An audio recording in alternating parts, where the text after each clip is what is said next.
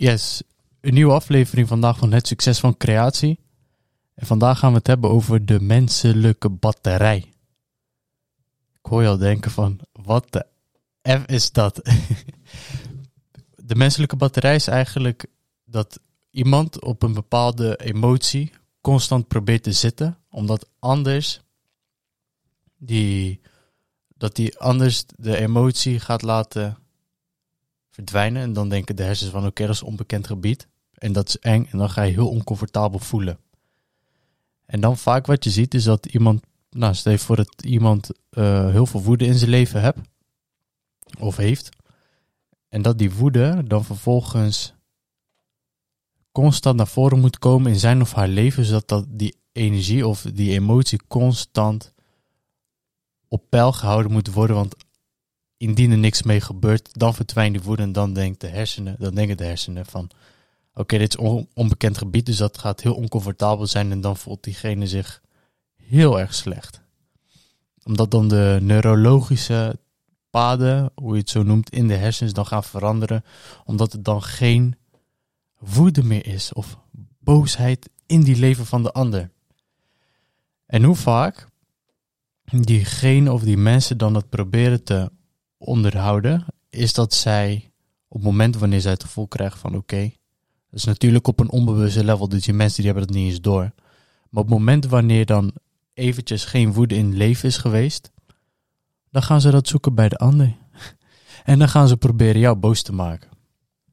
Wat natuurlijk alles behalve de bedoeling is, waarbij zij dan eigenlijk hun woede naar jou over willen brengen, indien jij dat natuurlijk aanneemt. Als je dat niet aanneemt, dan blijft die woede bij hun en dan worden ze helemaal gek. Want dan proberen ze nog verder te gaan over je grens. En tot op een gegeven moment dat zij het inzicht krijgen dat zij jou niet meer boos kunnen krijgen. Intern zullen zij dan eerder veranderen. En die andere die, die, die het niet heeft aangenomen, die gaat gewoon lekker rustig door met leven.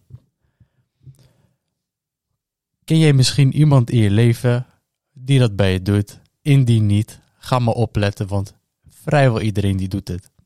En het hoeft niet met woede te zijn. Het kan ook op een andere manier zijn. Het kan ook zijn dat iemand de hele tijd constant zou willen lachen. Dat je de hele tijd op, op momenten wanneer je, hè, je, je bent gewend om de hele naar feest te gaan, je houdt van lachen de hele tijd. En dan ga je om de kleinste grap de hele tijd lachen. Dat zijn ook mogelijkheden. En dat is, ik denk, veel beter dan alleen maar je woede proberen te uiten. Maar dat is dan een mening die ik in dit geval heb. Ik heb hier ook een voorbeeld over, wat, waar, het in mijn leven echt heel erg heeft afgespeeld. Dat was vorig jaar in Griekenland. Toen, ja, mijn zus die was voor de zomer, die ging even naar Griekenland. En dus uh, alleen. En wij hebben een zomerhuis daar. En daar komt ze aan. Waarbij dan in de middag, op het moment wanneer dan in, uh, in Griekenland bent, dan is het gewoon normaal dat mensen in de middag gewoon siesta houden, dus slapen of dan is het niet echt de bedoeling dat je dan bij mensen gaat aanbellen of gaat werken of iets anders. Dus gewoon even gewoon een heel rustig leven hebben. Waarbij dan het, uh, de zon was. En we hadden zeg maar zonweringen die dwars door um, onze tuin heen liepen richting een ander gebied. Een appartementencomplex. En het was ongeveer 5 centimeter over de helling, waarbij het dan terrein was wat niet van ons was, maar van niemand. Van het appartementencomplex. En dat was gebeurd. En een paar uur later, het was middag, komt er een dame en die zegt van ja, die tent, of hoe je het ook wil noemen, die zonwering, die gaat 5 centimeter over die grens heen, mag niet. Waarbij er dan een klein conflict ontstond. Daar hebben ze het bij gelaten en in de zomer kwamen we terug. En toen kwam ik met mijn ouders daar aan. Na een, uh, laten we zeggen, lange reis. Want wij gingen met de auto. Het eerste wat wij zien is precies over die grens. Zijn twee palmbomen, één rozenstruik en één cactus geplant. Zodat wij niet meer eroverheen zouden kunnen gaan met dat ding. En dan weet je hoe laat het is. Tijd voor oorlog. Natuurlijk, want het is je eigen huis. En dan gaan mensen jou dicteren wat je wel of niet moet doen, dat is natuurlijk niet de bedoeling van die tent. Die mochten gewoon overeen volgens de Griekse wet, maar goed, dat terzijde.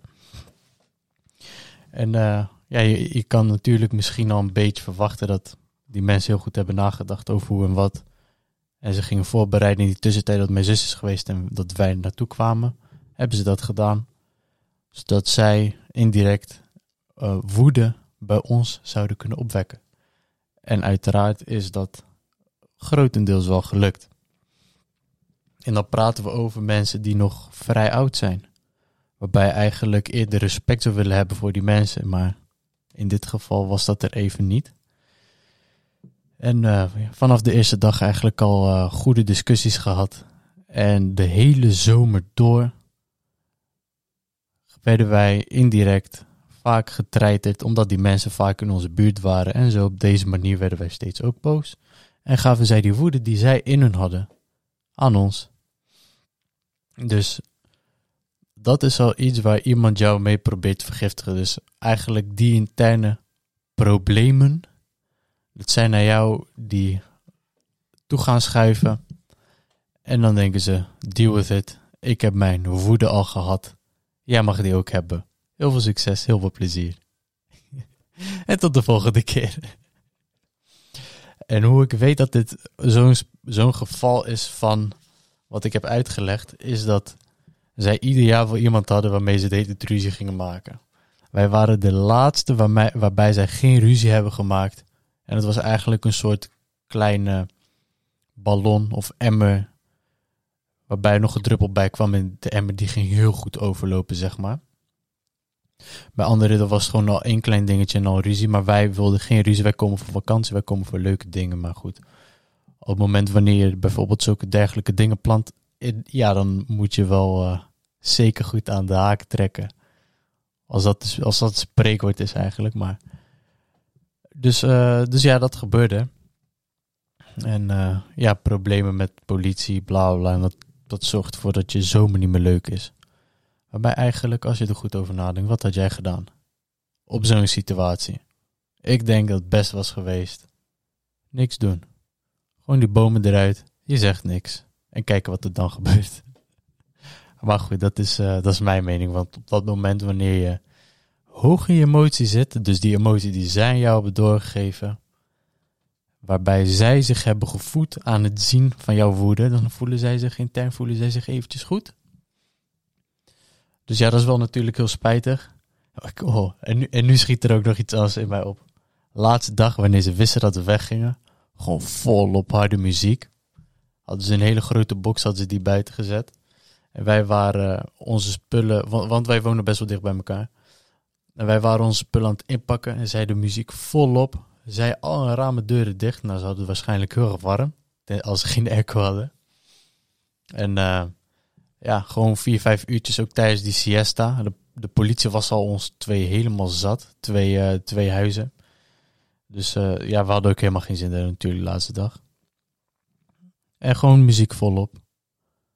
En het interesseerde ze niet. Kijk, de... maar toen waren we wel beter erin geworden om minder boos te worden op die situatie. Want we dachten van, het is goed met jou. en de vraag is in dit geval, vanuit welke motivatie vanuit welk, welke reden doet diegene dat? Kan zijn inderdaad wat ik op het begin zei. Van intern moet er even eh, een bepaalde emotie die, hè, die bijna niet meer onderdrukt is. Want die mensen die... Want het is toeristisch gebied. Dus toeristen of, die of de mensen die daar huis hebben, die komen pas in de zomer. Zij wonen daar het hele jaar door. Dus dan wachten ze gewoon tot de zomer, tot er weer wat kan gebeuren. Zodat ze dan weer blij worden. Fantastisch. Natuurlijk voor ons. Hè? Heel sarcastisch natuurlijk.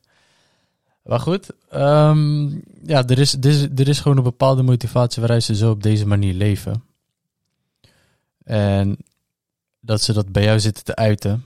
Of een trauma misschien zelfs, die zich jaren door of mee hebben gemaakt. Of weet ik het wat. Maar bij hun is dat nu even analyseren. Alleen het hele ding is, vanuit welke motivatie doet iemand zoiets? Is de buitenwereld slecht? Dat, dat is zo'n vraag die je zou kunnen stellen. Als iemand zo doet, is de buitenwereld slecht? Is het leven is het lastig? Is het moeilijk?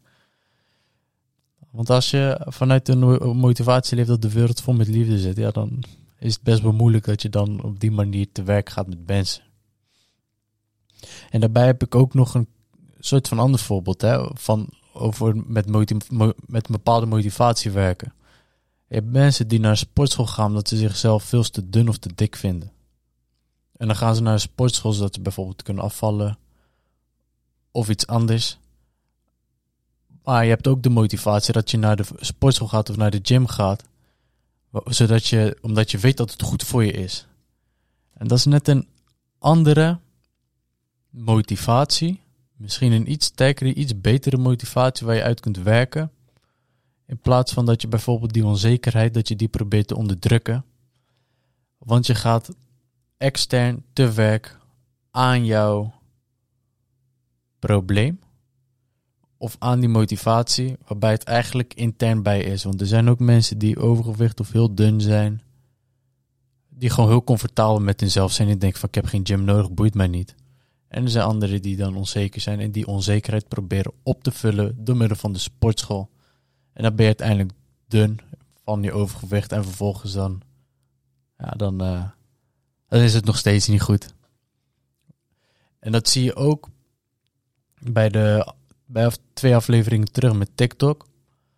Waarbij mensen de hele tijd perfecte mensen zien op het internet. En dan gaan ze bijvoorbeeld, eh dan worden zij onzeker en dan gaan ze billen spuiten, lippen, bla bla, et cetera. Maar dan zijn ze daar en dan hebben ze al die dingen gedaan en dan zijn ze nog steeds onzeker. En wat moet je dan aan jezelf veranderen? Dus mijn tip voor vandaag is: vanuit welke motivatie doe jij bepaalde dingen? En wat is de emotie die je uit mensen probeert te krijgen, zodat jij intern jou op een bepaalde manier gaat voelen? En probeer het eerst, ik denk dat een mooie stap is, probeer het eerst bij andere mensen op te merken. En dan vervolgens ga je er ook goed in worden dat je dat bij jezelf opmerkt. En op het moment wanneer je het bij jezelf opmerkt, dan zie je dat daar tekortkomingen of andere dingen, trauma's, bla bla bla, naar voren komen. Waarbij je dan daaraan kan werken en op die manier blijvende verandering zou kunnen doorvoeren aan jezelf. En ik denk dat dat het allermooiste is. Dat je, de, dat je als een soort beeldhouder te werk kan gaan en dan tak, tak, tak, links, rechts. En dan dat je jezelf gaat scheppen als het ware tot een nieuwe persoon die jij graag zou willen zijn. In plaats van dat je op een onbewuste level leeft. En constant zit te klagen van maar dit en dat. En dat je eigenlijk bijvoorbeeld hè, wilt gaan hardlopen, maar je gaat niet hardlopen. En dan ga je nog meer op jezelf haten. En dan, dan wordt het leven nog minder leuk. En dan krijg je een nieuwe emotie. En dan ga je die emotie proberen uit te voeren bij iemand. En zoals je merkt, dat is een soort. Ja, als een soort. eh, je, je, hebt, van die ratten, zeg maar, die rennen in een wiel. Dat is het. Dan ga je dat de hele tijd constant in stand houden. Eigenlijk zou die rat. Wat er is aan moeten rennen in dat rad. Tot die stopt. En dan eruit stappen. En dan iets anders gaan uitkiezen. Dat zou veel mooier zijn. En een rat die klinkt misschien, hè, is, als ik het met de rat noem of met de muis, weet ik. Maar dat is eigenlijk wat wij wel doen. Aan het eind van de rit hebben we onze menselijkheid en spirituele identiteit. Ehm, dus het is normaal, het menselijke natuurlijk. Alleen het is ook heel mooi om te zien dat wij eh, oneindige creativiteit hebben. Het succes van creatie. Waarbij dat veel meer naar voren zou kunnen brengen. In plaats van dat je dan constant in het menselijke zit, op een hele onbewuste level leeft. Waarbij het altijd die schuld is. Zijn schuld, zijn schuld, zijn schuld. Hij wil niet met me omgaan. Hij wil niet dit, hij wil niet dat. Terwijl je eerst even zou moeten kijken naar jezelf. En uh, op die manier te werk zou kunnen gaan. En misschien is het natuurlijk uh, ook goed geweest. Dat is mijn boodschap. Denk goed na wat je graag zou willen, wat je niet zou willen. Welke emotionele batterij voed jij? Of welke emotie voed jij als een, soort batterij? En zorg ervoor dat je dan uit dat rad stapt, ga naar rechts. En dan kan je eigenlijk overal heen lopen in plaats van enkel in dat rad. Of kies iets anders uit als, uh, als er iets anders dan in de buurt zit bij dat rad. Maar het komt vanzelf je kant op. Thanks voor het luisteren. Mochten er vragen zijn, zo, dat, dat klinkt wel echt als presentatie. Mocht je met mij willen praten, via DM. Eén op één coaching, dat doe ik ook sinds kort weer. Waarbij we hier naar kunnen kijken. Naar aanleiding van deze aflevering. Hit mij in de DM's. Georgus.sorry. Volgende week nieuwe aflevering. Thanks voor het luisteren en tot snel weer.